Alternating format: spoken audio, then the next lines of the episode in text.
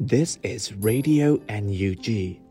the voice of National Unity Government of Myanmar, broadcasting for Myanmar Spring Revolution. Radio NUG is transmitting from shortwave 16 meter 17.71 megahertz at 8 a.m. and 25 meter 11.965 megahertz at 8 p.m. Myanmar Standard Time. မင်္ဂလာပါခင်ဗျာအမျိုးသားညီညွတ်ရေးအစိုးရရဲ့အတန်လွင့်ဌာန Radio NUG ကိုမနက်၈နာရီမှလိုင်းတို16မီတာ7.3 MHz ညပိုင်း၈နာရီမှလိုင်းတို25မီတာ17.665 MHz တို့မှာဓာတ်ရိုက်ဖမ်းယူနားဆင်နိုင်ပါပြီမင်္ဂလာအပေါင်းနဲ့ပြည့်စုံကြပါစေအခုချိန်ကစပြီး Radio NUG အစီအစဉ်တွေကိုဓာတ်ရိုက်အတန်လွှင့်ပေးနေပါပြီ။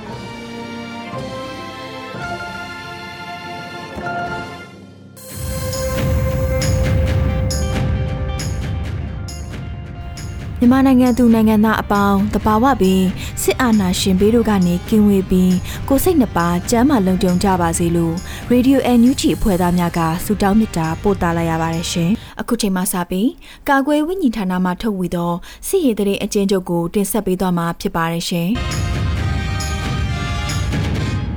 ကာကွယ်ဝင်ကြီးဌာနအမျိုးသားညီညွတ်ရေးအစိုးရမှထုတ်ဝေတဲ့နေ့စဉ်စီးရေးတရင်ကျဉ်ချုပ်ကိုတင်ဆက်ပေးတော့မှာဖြစ်ပါတယ်။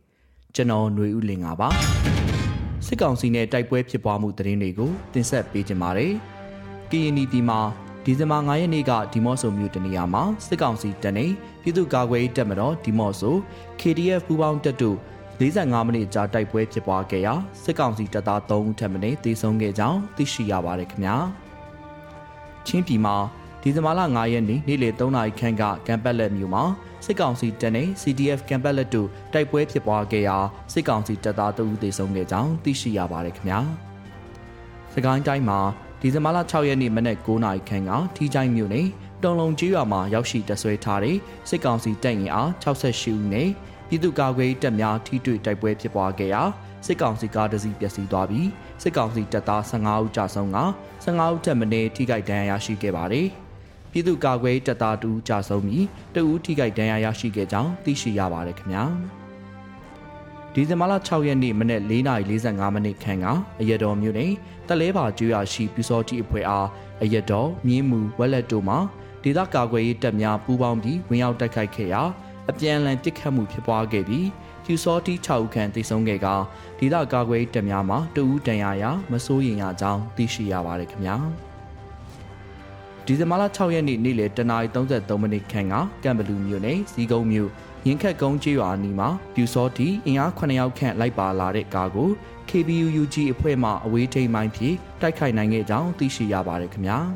။မကွေးတိုင်းမှာဒီဇင်ဘာ9ရက်နေ့ညနေ9:00နာရီခန့်ကပေါ့မြို့နယ်ရေပြားရဲစခန်းမှဆိုင်ကယ်ဆယ်စီးဖြင့်လာတဲ့စစ်ကောင်စီတပ်သားများနဲ့ရဲရင်အား16ဦးအား PPTF နဲ့ King Fighter ပျောက်ကြားတပ်ဖွဲ့တို့မှပူးပေါင်းတိုက်ခိုက်ခဲ့ရာ စစ်ကောင်စီတပ်သား3ဦးသေဆုံးခဲ့ပြီးအများအပြားဒဏ်ရာရရှိခဲ့ကြောင်းသိရှိရပါတယ်ခင်ဗျာစစ်ကောင်စီမှကျူးလွန်တဲ့ရာဇဝတ်မှုတွေကိုတင်ဆက်ပေးကြပါမယ်စကိုင်းတိုင်းမှာစကိုင်းတိုင်းမှာဒီဇင်ဘာလ၄ရက်နေ့မနက်9:00နာရီခန့်ကကမ်ဘလူမြို့နယ်ထန်းကုန်းကြီးရွာရှိတိုင်းဒေသကြီးလွှတ်တော်အမတ်ကိုနေစဉ်လက်နေကိုစစ်ကောင်စီတပ်များအင်အား၁၀ရောက်ခန့်ဖြင့်လာရောက်ချိတ်ပိတ်သွားခဲ့ကြောင်းသိရှိရပါတယ်ခင်ဗျာကီယနီပြည်မှာဒီဇင်ဘာလ9ရက်နေ့မနက်9:00နာရီခန့်ကရိုက်ကော်မြို့တိုက်6လုံးရှိ NUG Federal ရေးရာဒုတိယဝန်ကြီးဦးချစ်ထိုးနေအိမ်ကိုစစ်ကောင်စီတပ်မှလာရောက်ချိတ်ပိတ်သွားခဲ့ကြောင်းသိရှိရပါတယ်ခင်ဗျာမန္တလေးတိုင်းမှာဒီဇင်ဘာလ9ရက်နေ့နေ့လယ်ကမတရားမြို့နယ် NLD KI ပါတီလူငယ်တာဝန်ခံကိုစိုးဝေအောင်ကိုအကြမ်းဖက်စစ်ကောင်စီများမှဖမ်းဆီးသွားခဲ့ကြောင်းသိရှိရပါတယ်ခင်ဗျာ ပဲခူးတိုင်းမှာဒီဇင်ဘာလ6ရက်နေ့မနက်8နာရီခန့်ကဝေါ်မြို့ကြိုက်ထိုလမ်းမကြီးဝေါ်မြို့အထွတ်ရှာဖွေစစ်ဆေးရေးဂိတ်မှာမပေါက်ကွဲသေးတဲ့မိုင်းတလုံးတွေ့ရှိရပြီးနောက်ရခင်လွန်ငင်းချမ်းသာကွင်းနဲ့လွတ်လာသူများပါဝင်ခံဝင်ဖြစ်လက်မှတ်ထိုးထားသူ20ဦးအားစစ်ကောင်စီတပ်သားများကစစ်ကား3စီးဖြင့်ညနေပိုင်းမှာလာရောက်ဖမ်းဆီးခေါ်ဆောင်သွားခဲ့ကြောင်းသိရှိရပါတယ်ခင်ဗျာယခုတင်ဆက်သွားတဲ့သတင်းတွေကိုမြေပြင်သတင်းတာဝန်ခံများနဲ့သတင်းဌာနတွေမှာဖော်ပြလာတဲ့အချက်လက်တွေပေါ်အခြေခံပြုစုထားခြင်းဖြစ်ပါတယ်။ ကျွန်တော်ຫນွေဦးလင်ပါ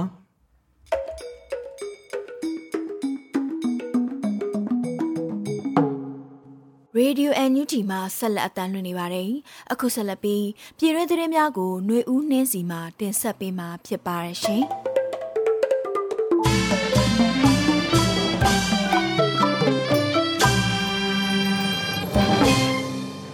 အခုချိန်ကစပြီးနောက်ဆုံးရသတင်းများကိုဖတ်ကြားပါတော့မယ်။ဤသတင်းများကို Radio UNG သတင်းတာဝန်ခံများနဲ့ခိုင်လုံသောမိဖက်သတင်းရင်းမြစ်များစီမှအခြေခံတင်ပြထားခြင်းဖြစ်ပါရရှင်။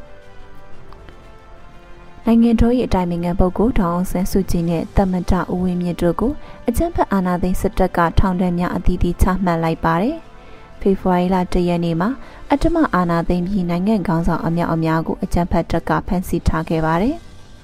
နိုဝင်ဘာလ30ရက်နေ့မှာစစ်ကောင်စီတပ်များကအမှုပေါင်းများစွာဆွဲဆိုပြီးအမိတ်ချမိတ်သတင်းထွက်ပေါ်ခဲ့ပေမဲ့ဒီဇင်ဘာလကိုရွှေ့ဆိုင်းခဲ့ပါတယ်။ဒီဇင်ဘာလ6ရက်နေ့အရောက်မှာတော့နိုင်ငံတော်သမ္မတအပါအဝင်အတိုင်ပင်ခံပုဂ္ဂိုလ်တော်အောင်ဆန်းစုကြည်နဲ့နေပြည်တော်မြို့တော်ဝန်တို့ကိုထောင်ဒဏ်အသီးသီးချမှတ်လိုက်တယ်လို့ရှေ့နေအတိုင်းဝိုင်းထံမှသိရှိရပါတယ်။စစ်ကောင်စီဟာပွင့်လင်းမြင်သာမှုမရှိဘဲတီးတန့်တရားရုံးမှာအမှုကိုတစ်ဖက်သက်လို့သူလို့ဆွဲချက်တင်စစ်ဆေးခဲ့တဲ့အပြင် လူသူတို့စီစဉ်ထားတဲ့အမှုပေါင်း17မှုဖြင့်အတိုင်ပင်ခံပုဂ္ဂိုလ်ကိုစစ်ဆေးခဲ့ကြတာဖြစ်ပါတယ်။အဂတိလိုက်စားမှုကဲ့သို့သောပြည်သူတွေအယုံကြည်မရှိတဲ့ပြစ်မှုမျိုးကိုလည်းဒေါ်အောင်ဆန်းစုကြည်အပေါ်ဆွဲဆိုခဲ့တာကြောင့်အာဏာရှင်ကိုစန့်ကျင်သူပြည်သူများရဲ့ဒေါသကိုထွက်စေခဲ့ပါတယ်။ဒေါ်အောင်ဆန်းစုကြည်ကဒီကိစ္စနဲ့ပတ်သက်ပြီးမဟုတ်တန်တရားတွေဆိုတဲ့တုတ်ပြန်စကားကိုလည်းရှင်းနေများထမှတဆင့်တရင်စကားပါခဲ့ပါတယ်။ ဒီဇင်ဘာ6ရက်နေ့မှာတော့နိုင်ငံတော်သမ္မတနဲ့အတူအတိုင်ပင်ခံပုဂ္ဂိုလ်2ဦးကိုတဘာဝဘေးစီမံဥပဒေပုံမှ25အမှုနဲ့ရာဇသက်ကြီးပုံမှ905ခခွေအမှုတို့အတွက်ထောင်ဒဏ်၄နှစ်ကြာခံရမယ်လို့သတ်မှတ်ခဲ့ကြပါတယ်။ဒေါအောင်ဆန်းစုကြည်ကိုပုံမှ905ခခွေအမှုအတွက်2နှစ်နဲ့တဘာဝဘေးစီမံပုံမှအတွက်2နှစ်စီပေါင်း၄နှစ်သတ်မှတ်ခဲ့ကြသလို တမတဦးဝင်းမြင့်ကိုလည်း905ခခွေအမှုအတွက်2နှစ်နဲ့တဘာဝဘေးစီမံပုံမှနဲ့2နှစ်စီစုစုပေါင်း၄နှစ်ထောင်ကျစေရမယ်လို့သတ်မှတ်လိုက်ကြပါတယ်။နေပြည်တော်မြို့တော်ဝန်ဒေါက်တာမျိုးအောင်လည်း905ခခွေအမှုအတွက်ထောင်ဒဏ်2နှစ်ကြာခံရမယ်လို့သတ်မှတ်လိုက်ကြပါတယ်။နိုင်ငံတော်သမ္မတနဲ့တိုင်ပင်ခံပုဂ္ဂိုလ်အပေါ်ဆွဲဆိုတဲ့တဘာဝဘေးစီမံအမှုဆိုတာကတော့2020မဲဆွဲကာလ အထရာသီမြို့နယ်ထဲဖြတ်သွားတဲ့ NLD မဲဆွယ်ရင်တန်းကိုဒေါအောင်ဆန်းစုကြည်နဲ့တမ္မတဦးဝင်းမြင့်တို့ထွက်ပြေးလက်ပြနှုတ်ဆက်ခြင်းဆိုတဲ့ဖြစ်စဉ်ကိုမူတည်ပြီးဆွဲဆိုခဲ့တာဖြစ်ပါတယ်။အခုဆိုရင်နိုင်ငံတော်၏အတိုင်ပင်ခံပုဂ္ဂိုလ်တောင်အောင်ဆန်းစုကြည်ဟာစက်တမှုအထိစစ်ကောင်စီရဲ့အမှုစဉ်ဆွဆွဲခြင်းကိုခံထားရပြီးမတရားရင်ဆိုင်နေရတာဖြစ်ပါတယ်။ဒီဇင်ဘာလ6ရက်နေ့ထောင်ဒဏ်၄နှစ်သတ်မှတ်ခံရတဲ့အမှုဟာဆိုရင် ဆွဆွဲအမှုပေါင်း17မှုအနက်နှစ်မှုကိုစတင်ထောင်ဒဏ်ချမှတ်ခဲ့တာဖြစ်ပါတယ်ရှင်။စစ်ကောင်စီတပ်နဲ့လက်အောက်ခံပြူစောတိတပ်ဖွဲ့ဝင်များကိုအကြတော်မြင်းမှုမဟာမိတ်တပ်ဖွဲ့များကပူးပေါင်းတိုက်ထုတ်ပြီးပြူစောတိနေအိမ်လေးလုံးကိုပြည်သူပိုင်အဖြစ်ချိတ်ပိတ်သိမ်းဆည်းခဲ့ကြပါတယ်။ ဒီဇင်ဘာလ6ရက်နနက်4နာရီအချိန်တွင်တိုက်ပွဲစတင်ပြီးနနက်6နာရီဝန်းကျင်တွင်စစ်ကောင်စီတပ်နှင့်လက်အောက်ခံပြူစောတိများဆုတ်ခွာထွက်ပြေးခဲ့ကြောင်းအရတော်မြို့နယ်တော်လိုင်းအင်အားစု ARE ပြန်ကြားရေးကသတင်းထုတ်ပြန်ခဲ့တာပါ။တိုက်ပွဲမှာပြူစောတိ6ဦးသေဆုံးပြီးဒေသခံကကိုရေးတပ်ဖွဲ့များဘက်မှရဲဘော်2ဦးသာမစိုးရိမ်ရသောဒဏ်ရာရရှိတယ်လို့တော်လှန်ရေးအင်အားစု AIE ဘက်မှတာဝန်ရှိသူကပြောပါတယ်။ တိုက်ပွဲဖြစ်ပွားမှုကြောင့်စကိုင်းတိုင်းအရတော်အရှိတောင်နဲ့တလဲပါကျေးရွာအတွင်းစခန်းချထားသောပြူစောတိနေအိမ်အချို့ပျက်စီးသွားပါတယ်။လက်နက်ကြီးထိမှန်မှုကြောင့်နေအိမ်အချို့မီးလောင်သွားခြင်းမှာအပပြည်သူနေအိမ်များထိခိုက်ပျက်စီးမှုမရှိဘူးလို့လည်းသိရပါတယ်။အရှိတော်မြို့နယ်တော်လန်ရေးအင်အားစု ARE ပြင်ကြားရေးတာဝန်ခံက AR သတင်းဌာနကိုပြောပြရမှာပြူအိမ်အချို့မိလောင်သွားတယ်ပြူကောင်းဆောင်တောင်ကြီးနေအိမ်လဲပါတယ်ပြူတွေကလည်းရွာကန်တွေများတော့ NLD ထောက်ခံသူတွေ တက်ကြွလှရှားသူတွေကိုအဓိကပြစ်မှတ်ထားတာများတယ်အရတော်နယ်ထဲမှာတလဲပါအုပ်စုတစ်ကျင်ကြီးအုပ်စုငွေတွင်အုပ်စုတွေကပြူတွေများတယ်လို့သူကဆိုပါတယ်လက်ရှိကတော့မနက်ကပိတ်ထားတဲ့လမ်းမိုင်းတွေမှာခီးသွားတွေသွာလာနေကြပါပြီ။ပြည်သူပိုင်သိမ်းဆည်းလိုက်တာကတော့ပြူစောတိနေအိမ်လေးလုံးပါအရင်တည်းကအချို့ပြူအိမ်တွေမှာသူတို့ရဲ့မိသားစုတွေမနေတော့ပါဘူးတိုက်ပွဲဖြစ်တုန်းရွာတွေကပြည်သူတွေနဲ့ရောပြီးထွက်ပြေးသွားကြတာလည်းပါတယ်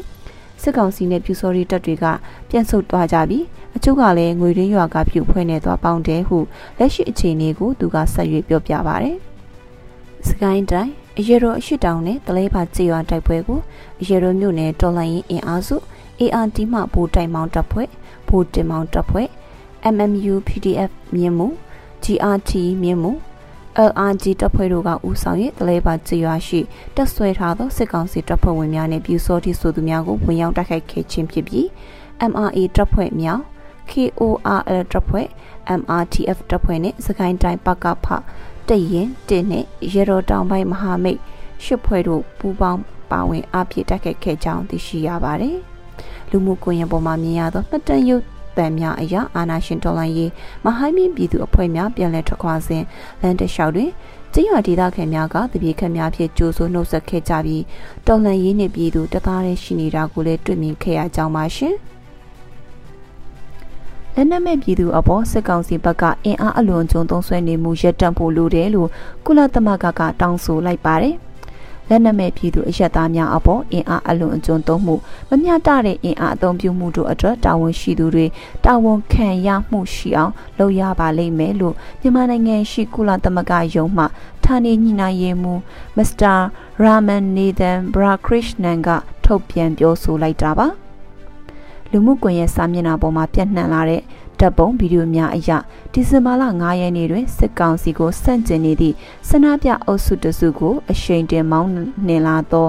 စစ်ကားတစ်စီးကအတင်းဝင်တိုက်ပစ်ခဲ့သည်ကိုတွေ့မြင်ခဲ့ရတယ်။ထို့နောက်လမ်းပေါ်တွင်လဲကျနေသူများကိုတွေ့ခဲ့ရပြီးလူဒါစင်နှင့်ချီဒဏ်ရာများရရှိခဲ့သည်ဟုမျက်မြင်တွေ့ရှိသူများကပြောပါတယ်။ထိုဖြစ်ရတဲ့ပတ်သက်ပြီး American တန်ယုံဤထုတ်ပြန်ကြေညာချက်တစ်စောင်ကဖော်ပြရမှာတော့ငင်းချမ်းစွာဆန္ဒပြသူအချို့ကိုတနက်ဖြစ်ပစ်ခတ် ကားဖြစ်ဝင်တိုက်တပ်ဖြတ်ခဲ့သည့်ဆိုသည့်သတင်းများကြောင့်ထိတ်လန့်တုန်လှုပ်ရကြောင်းပါရှိပါရယ်အာဏာသိမ်းပြီးကလေးကစစ်ကောင်စီတပ်ဖွဲ့များလက်ချက်ကြောင့်အပြစ်မဲ့ပြည်သူ1300ကျော်တေဆုံးခဲ့ရပေမဲ့လေမြို့ရင်းနေလူငယ်များဟာလက်နက်မရှိဘဲတောမခုပဲအခုလိုမြို့တွင်းမှာသာငင်းချမ်းစွာဆန္ဒထုတ်ဖော်နေဆဲဖြစ်ပါတယ်။ သူတို့ဟာလက်နက်ကင်လန်းစင်ထက်ငင်းချမ်းစွာဆန္ဒထုတ်ဖော်တဲ့လန်းစင်ကိုအခုလိုဖန်ဆီးခံရနိုင်တဲ့အန္တရာယ်ကြားမှာပဲစွန့်စားဆန့်ကျင်နေကြသူများဖြစ်ပါတယ်။ကားဖြစ်တိုက်တဲ့ပြီးနောက်အပြူပြူအလဲလဲဒဏ်ရာရနေသူများကိုစစ်ကောင်စီဘက်ကတနက်တင်များဖြစ်နေထုထောင်းနေတာကိုလည်းမြင်တွေ့ရတယ်လို့မျက်မြင်များကပြောပါတယ် စစ်ကောင်စီထိန်းချုပ်ထားတဲ့သတင်းစာများကတော့လူအင်အားဖြိုခွဲသူရဲများသည်ခွင့်ပြုချက်တောင်းခံထားခြင်းမရှိသောဆန္ဒပြစုပူမှုတစ်ခုကိုလူစုခွဲခဲ့ခြင်းဖြစ်ကြောင်းရှော့ပေါ်ရေးသားခဲ့တယ်လို့ဆန္ဒပြသူ၈ဦးကိုဖမ်းဆီးခဲ့ကြောင်းနဲ့၃ဦးတရားရကြောင်းရေးသားခဲ့ပါတယ်။တေဆုံးမှုနဲ့ပတ်သက်ပြီးဖော်ပြထားခြင်းမရှိပေကားနဲ့တိုက်သက်သည့်ဖြစ်စဉ်ကိုမူဖုံးကွယ်ရေးသားမဖော်ပြခဲ့ကြပါဘူး။ ဒီဇင်ဘာလ9ရက်နေ့ကြည်မြင်တိုင်းမှာအကြမ်းဖက်လူသက်ခံရမှုအပြီးမှာတော့ရန်ကုန်မြို့ကြီးပေါ်မှာတမုံတီလှုပ်ရှားမှုများပြန်လည်ကြားခဲ့ရပြီးလက်နက်ကင်လမ်းစဉ်လိုက်နေကြသည့်လက်နက်ကင်တပ်ဖွဲ့များကလည်းစစ်ကောင်စီတပ်တွေကိုလျှက်တစ်ပြက်ဝင်ရောက်တိုက်ခိုက်တာတွေလုပ်ခဲ့ကြကြောင်းပါရှင်။ကျွန်မကတော့ຫນွေဦးနှင်းစီပါရှင်။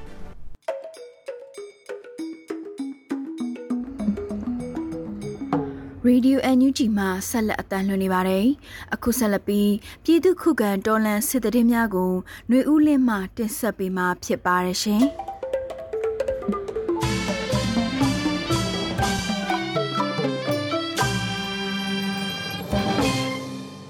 ပထမဆုံးအနေနဲ့စစ်ကားဖြင့်ပြည်သူကိုတိုက်တက်မှုလက်တုံပြန်သည့်အနေဖြင့်စမ်းချောင်းရဲစခန်း ခရမ်းမြို့မှာရဲစခန်းပါဝင်ရန်ကုန်မြို့နေရာတချို့ကိုတိုက်ခိုက်ခဲ့ဟုရန်ကုန်တိုင်း PDF ကထုတ်ပြန်တဲ့သတင်းကိုတင်ဆက်မှာပါရန်ကုန်တိုင်းဒေသကြီးကြစ်မနိုင်မြို့နယ်ပန်းမင်ကြီးလမ်းပေါ်တွင်ရမနေ့စစ်တပ်ကပြည်သူကိုလူမဆန်စွာကားဖြင့်တိုက်သက်ခြင်းတနက်ဖြင့်ပစ်တက်ခြင်းတို့ကိုတုံ့ပြန်သည့်အနေဖြင့်စစ်ကောင်စီတပ်များကိုရမနေ့ညပိုင်းတိုက်ခိုက်ကြောင်းရန်ကုန်တိုင်း PDF ကသတင်းထုတ်ပြန်ပါတယ်။ ရန်ကုန်တိုင်းစမ်းချောင်းမြို့နယ်ရှိအမှတ်24ရဲစခန်းတွင်တပ်ဆွဲထားသောအကြမ်းဖက်စစ်တပ်ကိုယမနေ့ည8နာရီဝန်းကျင်အချိန်တွင်ပြည်သူတော်လှန်ရေးအင်အားစုများကပြစ်ခတ်တိုက်ခိုက်ခဲ့ပြီးစစ်သားအချို့တေဆုံးကအချို့ထိခိုက်ဒဏ်ရာရရှိခဲ့တယ်လို့ဆက်လက်ဖော်ပြထားပါတယ်။အလားတူခရမ်းမြို့နယ်ရှိမြို့မရဲစခန်းနဲ့ဌာနဆိုင်ရာရုံးအဆောက်အုံတစ်ခုအတွင်းတပ်ဆွဲထားသောအကြမ်းဖက်စစ်ကောင်စီတပ်များကိုရမနေ့ည8နာရီခွဲအချိန်ခန့်တွင်40မမပုံသည့်ဖြင့်ခရမ်းမြို့နယ်ပြည်သူ့ကာကွယ်တပ်ဖွဲ့ဝင်များက ပြစ်ခတ်တိုက်ခိုက်ခဲ့ကြောင်းစစ်သားထိခိုက်ဒေဆုံးမှုရှိတော်လဲအသေးစိတ်ကိုဆက်လက်စုံစမ်းဆဲဖြစ်ကြောင်းထုတ်ပြန်ထားပါတယ်။အလားတူလိုင်တာယာမြို့နယ်ရှိအမှတ်9ရပ်ကွက်အုပ်ချုပ်ရေးမှူးရုံးနယ်တပ်မတော်အထက်ချုပ်ဆက်ရုံနီးအကြမ်းဖက်စစ်ကောင်စီတပ်များတပ်ဆွဲထားသောနေရာများကိုပောက်ကွဲအားပြင်းထန်သည့်ဘုံများအုံပြု၍ຫນွေဦးတော်လိုင်းမီးတောက် Spring Revolution Flame SRF အဖွဲ့ကယမနေ့ည9နာရီခွဲအချိန်ခန့်တွင်ဖောက်ခွဲတိုက်ခိုက်ခဲ့ကြောင်းစစ်သားထိခိုက်ဒေဆုံးမှုအသေးစိတ်ကိုစုံစမ်းဆဲဖြစ်ကြောင်းကြေညာထားပါတယ်။အလားတူဒဂုံစိတ်ကမ်းမြို့နယ်61ရပ်ကွက်ရှိအကြမ်းဖက်စစ်ကောင်စီတပ်များ၏စီးပွားရေးထောက်တိုင်တစ်ခုဖြစ်သည့် Omni Focus ကုမ္ပဏီပိုင် YBS 69ရင်လိုင်းသို့အကြမ်းဖက်စစ်ကောင်စီတပ်များလာရောက်စဉ်အာဏာသိမ်းစန့်ကျင်ရေးပြည်သူ့လွတ်မြောက်ရေးအဖွဲ့ Anti-Coup People Liberation Force ACPLF အဖွဲ့ကအဝေးထိန်ဘုံနှလုံးအုံပြု၍ဖောက်ခွဲတိုက်ခတ်ခဲ့ကြောင်းစစ်သားထိခိုက်ဒေဆုံးမှုအသေးစိတ်ကိုစုံစမ်းဆဲဖြစ်ကြောင်းသိရှိရတာပါအချမ်းဖတ်စစ်ကောင်စီတပ်များပေါ်ယခုကဲ့သို့စစ်ရေးအရာရေးယူဆောင်ရွက်မှုများကိုဗျံလောင်းအောင်စစ်စင်ရေးလှုပ်ရှားမှုဖြင့်ရန်ကုန်တိုင်းစစ်ဒေသခွဲကုကဲရေးအဖွဲ့ကဆက်လက်အချိန်ဟုန်မြင့်ဆောင်ရွက်သွားမည်ဖြစ်ပြီးပြည်သူလူထုအနေဖြင့်လည်းစစ်အာဏာရှင်စန့်ကျင်ရေးလှုပ်ရှားမှုများကို တတ်နိုင်သမျှကူညီပံ့ပိုးခြင်းပူးပေါင်းပါဝင်ခြင်းများကိုအချိန်ဟုန်မပြတ်ဆက်လက်ဆောင်ရွက်သွားကြပါရန်ရန်ကုန်တိုင်းစစ်ဒေသခွဲကုကဲရေးအဖွဲ့ကတိုက်တွန်းထားပါတယ်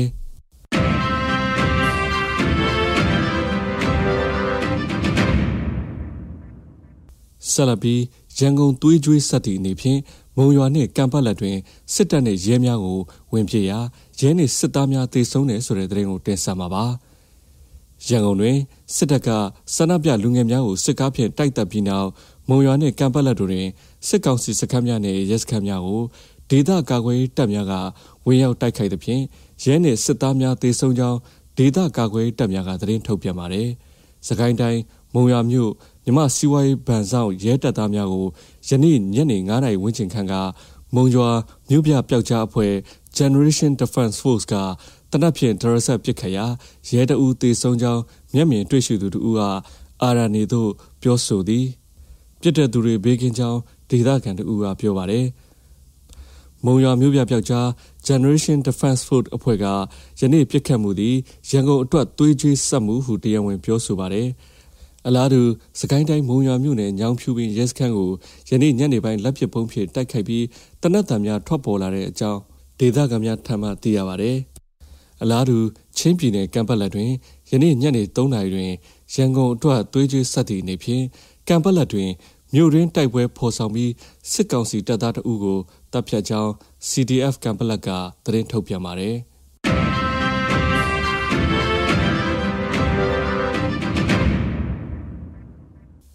နောက်ဆုံးအနေနဲ့အမျိုးသားညီညွတ်ရေးအစိုးရ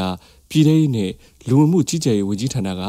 ဒီဇင်ဘာလ6ရက်ရက်စွဲနဲ့ထုတ်ပြန်တဲ့ပြည်သူ့ခုခံတော်လှန်စစ်တရင်အချက်လက်တွေကိုတင်ဆက်ပေးသွားမှာပါ။အာဏာသိမ်းအကြမ်းဖက်စစ်အုပ်စု၏ပြည်သူလူထုပေါ်အကြမ်းဖက်ဖိနှိပ်ဖမ်းဆီးတိုက်ခိုက်တပ်ဖြတ်နေမှုများကိုပြည်သူလူထုတရလုံးကအသက်ရှင်တန်ရေးအတွက်မိမိကိုယ်ကိုမိမိခုခံကာကွယ်ပိုင်ခွင့်ရာပြည်သူခုခံစစ် People Defenses War ကိုဆင်နွှဲလျက်ရှိပါသည်။သတင်းချက်လက်များအရ9ရက်12လ2021ခုနှစ်နေ့ရက်တွင် စစ်ကောင်စီတပ်ဖွဲ့ဝင်52ဦးသေဆုံးပြီးထိခိုက်ဒဏ်ရာရရှိသူ10ဦးထိခုခံတိုက်ခိုက်နိုင်ခဲ့ပါတယ်။စစ်အာဏာရှင်စနစ်မြမမြေပေါ်ကအပြီးတိုင်ချုပ်ငြိမ်းရေးနဲ့ Federal Democracy စနစ်တည်ဆောက်ရေးအတွက်ငြိမ်းချမ်းစွာဆန္ဒပြသည့်လူထုတပိတ်တိုက်ပွဲများကပြည်내နဲ့တိုင်းဒေသကြီးများမှာဖြစ်ပွားပေါ်ပေါက်လျက်ရှိပါတယ်။မြေပြင်မှာယခုတွေ့ရတဲ့သတင်းချက်လက်များထက်ပို၍ဖြစ်ပွားနိုင်ပါတယ်။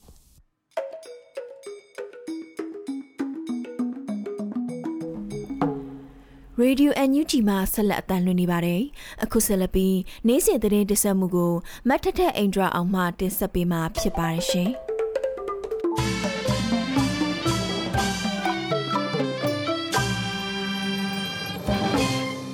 ဦးဆုံးအနေနဲ့အကြမ်းဖက်စစ်ကောင်စီကိုအရေးယူနိုင်ဖို့နိုင်ငံတကာအတိုင်းအဝန်နဲ့ဆက်သွယ်ဆောင်ရွက်နေကြောင်းပြည်ထောင်စုလွှတ်တော်ကုစားပြုကော်မတီထုတ်ပြန်လိုက်တဲ့သတင်းကိုတင်ဆက်ပေးကြပါမယ်။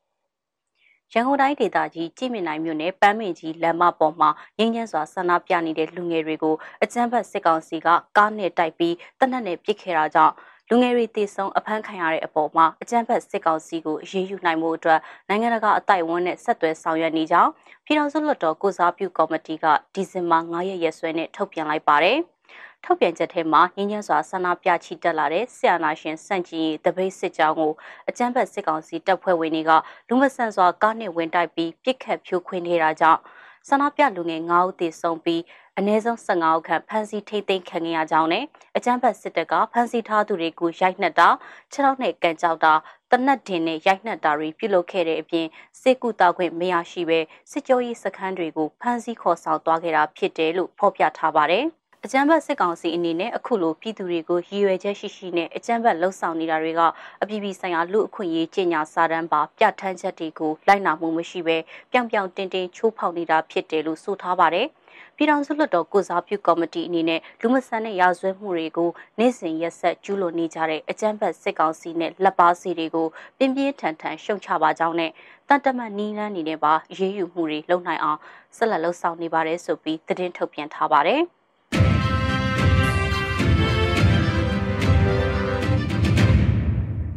ဆက်လက်ပြီးအသက်ပေးဆက်ခဲ့ရမှုတွေအတွက်လဟတာမဖြစ်အောင်အဆုံးထိတိုက်ပွဲဝင်သွားမယ်လို့အမျိုးသားညီညွတ်ရေးအစိုးရထုတ်ပြန်လိုက်တဲ့သတင်းကိုတင်ဆက်ပေးပါမယ်။နှွေဦးတော်လိုင်းကြီးမှာအသက်ပေးဆက်ခဲ့ရမှုတွေအလဟတာမဖြစ်စေဖို့အတွက်တမိုင်းကပေးတဲ့တာဝန်ကိုဥထိတ်ရွက်စင်ရင်အဆုံးသတ်ထိတိုက်ပွဲဝင်သွားမယ်လို့ကတိသစ္စာပြုပါကြောင်းအမျိုးသားညီညွတ်ရေးအစိုးရကဒီဇင်ဘာ9ရက်ရက်စွဲနဲ့ကြေညာချက်ထုတ်ပြန်လိုက်ပါတယ်။ ရန်ကုန်တိုင်းဒေသကြီးကြည်မြင့်နိုင်မြို့နယ်အတွင်းမှာဒီဇင်ဘာလ9ရက်မနက်ပိုင်းကဆရာနာရှင်စန့်ချီရေးငင်းညံစွာဆန္ဒပြနေတဲ့တပိတ်ကိုအကြမ်းဖက်စစ်တပ်ကကားနဲ့ဝင်တိုက်ပြီးတနက်နဲ့ပစ်ခတ်မှုတွေလုပ်ခဲ့တာကြောင့်လူငယ်တချို့ကြဆုံးပြီးအဖမ်းခံရမှုဖြစ်စဉ်ဒီပေါ်မှာအမျိုးသားညီညွတ်ရေးအစိုးရကကြီးညာချက်ထုတ်ပြန်ရမှာအထက်ပါအတိုင်းထည့်သွင်းဖော်ပြခဲ့တာပါ။ အခုလိုဖြစ်စဉ်ကအကြမ်းဖက်စစ်တပ်ကလှုပ်ဆောင်တဲ့ပထမအချိန်တော့မဟုတ်ပါဘူးဖေဖော်ဝါရီ28ရက်မှာဗိမ်းမျိုးကဆန္ဒပြသူတအုပ်ကိုအကြမ်းဖက်စစ်တပ်ကကားနဲ့ဝင်တိုက်ပြီးဖမ်းဆီးခဲ့ပါသေးတယ်ဧပြီလ15ရက်နေ့မှာလဲမုံရွာတပိတ်ကောင်းဆောင်ကိုဝေမိုးနိုင်ကိုတပိတ်ပြုလုပ်နေစဉ်အတွင်းမှာအရက်သုံးကားနဲ့ဝင်တိုက်ပြီးအကြမ်းဖက်စစ်ကောင်စီကဖမ်းဆီးခဲ့ပါတယ်မေလ2ရက်မှာလဲရွှေဘူပင်မတပိတ်စစ်ကြောင်းလူစုနေစဉ်မှာလူအုပ်ထဲကိုကားနဲ့ဝင်တိုက်ပြီးဖမ်းဆီးမှုတွေလုပ်ခဲ့ပါတယ်။ မေလ6ရက်မှာလဲမွန်ပြည်နယ်ချောင်းစုံမြို့နယ်အတွင်းမှာ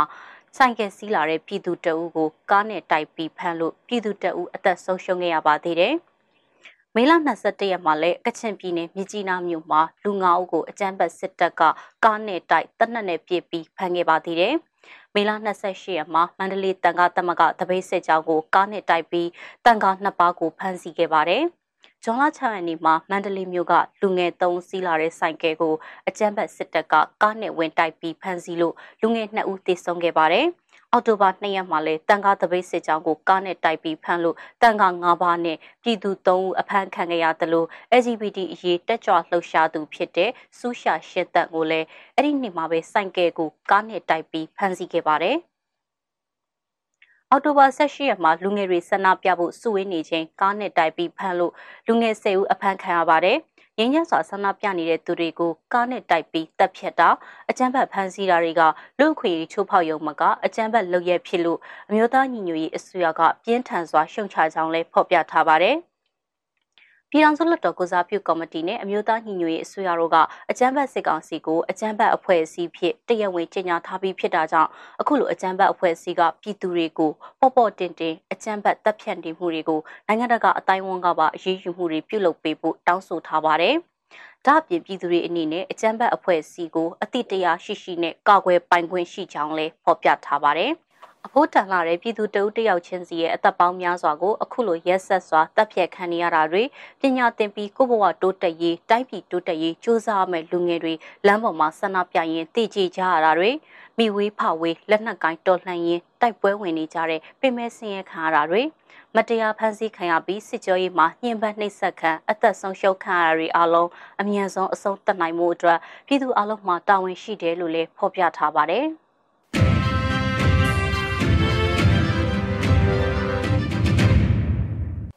ဆက်လက်ပြီးအန်ယူဂျီရဲ့ငွေတိုက်စာချုပ်ရောင်းချမှုကိုပြဿနာတချို့ဖြေရှင်းပြီးတဲ့အထိဆက်လက်ရပ်ဆိုင်းထားမယ့်သတင်းကိုတင်ဆက်ပေးပါမယ်။အမျိုးသားညီညွတ်ရေးအစိုးရရဲ့ငွေတိုက်စာချုပ်ရောင်းချမှုကိုပြဿနာတချို့ဖြေရှင်းပြီးတဲ့အထိဆက်လက်ရပ်ဆိုင်းထားမှာဖြစ်ကြောင်းအန်ယူဂျီရဲ့စီမံကိန်းဗဏ္ဍာရေးနဲ့ယင်းနှမြုံနယ်မှုဝန်ကြီးဌာနပြည်တွင်းအခွန်များဦးစီးဌာနကသူတို့ရဲ့ website ဖြစ်တဲ့ www.unitedbond-nug.org မှာသတင်းထုတ်ပြန်ထားပါတယ်။ ပြီးခဲ့တဲ့အပတ်ကရောင်းချခဲ့တဲ့ငွေတိုက်စာချုပ်တွေကိုထပ်ဝေပေးပို့လျက်ရှိရာစုစုပေါင်း4183ဆောင်ကိုပြန်လည်ပေးပို့နိုင်ခဲ့ပြီဖြစ်တယ်လို့ကြန့်ရှိနေသေးတဲ့ငွေတိုက်စာချုပ်တွေကိုလည်းအချိန်မီပေးပို့သွားနိုင်အောင်စ조사ဆောင်ရွက်လျက်ရှိတယ်လို့ဆိုပါတယ်။ဒါအပြင်ပြည်ပနိုင်ငံအသီးသီးရှိအမျိုးသားညီညွတ်ရေးအစိုးရအတိအမှတ်ပြုကိုယ်စားလှယ်တွေကနေတဆင့်သက်ဆိုင်ရာနိုင်ငံရှိပြည်တွင်းငွေလွှဲပြောင်းပေးချေခြင်းနီလန်အပြင်အဆင့်ပြေချောမွေ့စွာဝယ်ယူရရှိနိုင်ရန်လဲစီစဉ်ဆောင်ရွက်လျက်ရှိပါကြောင်း အသိပေးထားတာတွေ့ရပါတယ်။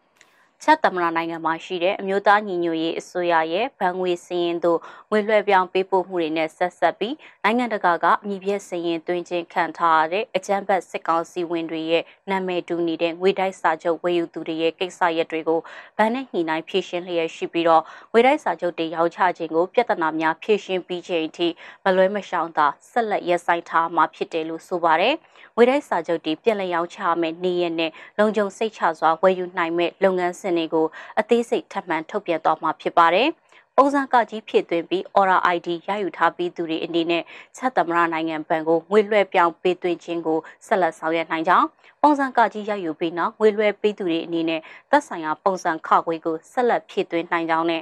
ပုံစံခခွေးဖြည့်သွင်းပြီးသူတွေကိုငွေတိုက်စာချုပ်ပြန်လည်ထုတ်ပေးသွားမှာဖြစ်ကြောင်းအသိပေးထားတာကိုတွေ့ရပါတယ်။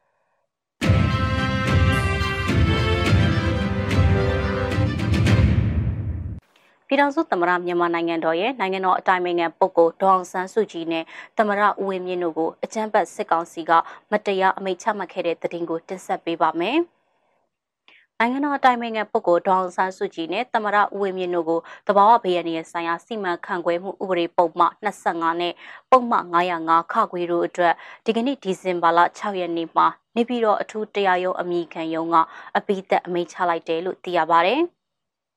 နိုင်ငံတော်အတိုင်ပင်ခံပုဂ္ဂိုလ်ဒေါန်ဆန်းစုကြည်ကို905ခါခွေအမှုအတွက်2နှစ်နဲ့တဘောဘီရဲ့ရဲ့စီမံခန့်ခွဲမှုဥပဒေပုံမှန်နဲ့2နှစ်စီနိုင်ငံတော်သမ္မတဦးဝင်းမြင့်ကိုလည်း905ခါခွေနဲ့2နှစ်တဘောဘီရဲ့ရဲ့စီမံခန့်ခွဲမှုဥပဒေပုံမှန်နဲ့2နှစ်စီချမှတ်ခဲ့တာပါဒေါက်တာမျိုးအောင်ကိုလည်း905ခါခွေနဲ့2နှစ်ချမှတ်လိုက်တယ်လို့သိရပါတယ်မတရားဆွဲဆိုထားတဲ့အမှုတွေလည်းထပ်မံကြန့်ရှိနေသေးတာလည်းဖြစ်ပါတယ်ရှင်။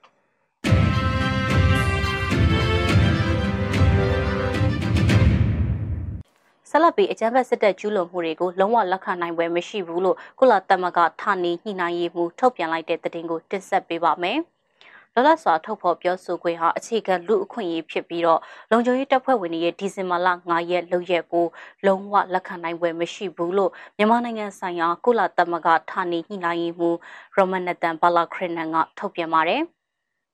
လက်နက်မဲ့အရက်သားတွေကိုအလွန်ကျွံအင်အားသုံးခဲ့မှုအတွက်တာဝန်ရှိသူတွေဟာတာဝန်ခံမှုရှိရမှာဖြစ်ပြီးတော့ကြီးမြင့်နိုင်ပန်းမင်ကြီးလန်ကတပ်ဖြတ်မှုတွေအတွက်အပြင်းထန်ဆုံးပြစ်တင်ရှုံချတယ်လို့ကုလသမဂ္ဂဌာနေညှိနှိုင်းရေးမှူးကထုတ်ပြန်ထားပါတယ်။ဒီဇင်ဘာလ9ရက်မနက်ပိုင်းကရန်ကုန်မြို့ကြည်မြင်နိုင်ပန်းမင်ကြီးလမ်းမှာရင်းရင်းစွာဆန္ဒထုတ်ဖော်နေတဲ့လူငယ်တွေကိုအကြမ်းဖက်စစ်တပ်ကကားနဲ့ဝင်တိုက်ပြီးကြီးအစ်စ်တွေနဲ့ပစ်ခတ်ခဲ့ပြီးတော့အဲ့ဒီတိုက်ခိုက်မှုကိုအလွန်အမင်းစိုးရိမ်မကင်းဖြစ်မိတယ်လို့ရမနတန်ကဆိုပါတယ်။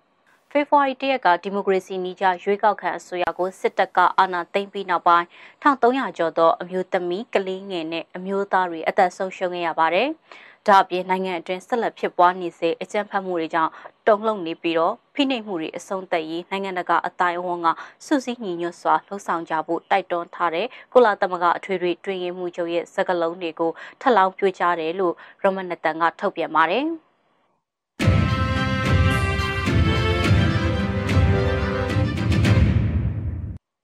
မြန်မာနိုင်ငံတဝန်ကလူမျိုးပေါင်းစုံဘာသာပေါင်းစုံပါဝင်တဲ့ဆင်အနာရှင်အမြင့်ပြည့်ချေမှုန်ရေးလူထုဆန္ဒပြပွဲသတင်းတွေကိုစူးစီးတင်ဆက်ပေးတော့မှာပါ။ ရန်ကုန်မြို့ကဆီယနာရှင်စန့်ကျင်လူထုလှုပ်ရှားမှုကော်မတီ AGMM ကအဖွဲ့ဝင်လူငယ်တွေနဲ့အလုသမားရဲဘော်တို့ပူးပေါင်းပြီးတာမွေစီရွှေပြည်သာထန်း6ပင်နဲ့ရွှေပြည်သာကားလေးဂိတ်မှတ်တိုင်တို့မှာဆီယနာရှင်ကိုစန့်ကျင်တဲ့အနေနဲ့တရားဖက်လိုက်လို့ကားနဲ့တိုက်ခံရတဲ့ရန်ကုန်မမိဘူးဆိုတဲ့ပိုစတာကိုချိတ်ဆွဲပြီးတော့လူထုလှုံ့ဆော်ရေးလက်ကမ်းစာဆောင်တွေကိုဝေငှတဲ့လှုပ်ရှားမှုပြုလုပ်ခဲ့ပါတယ်။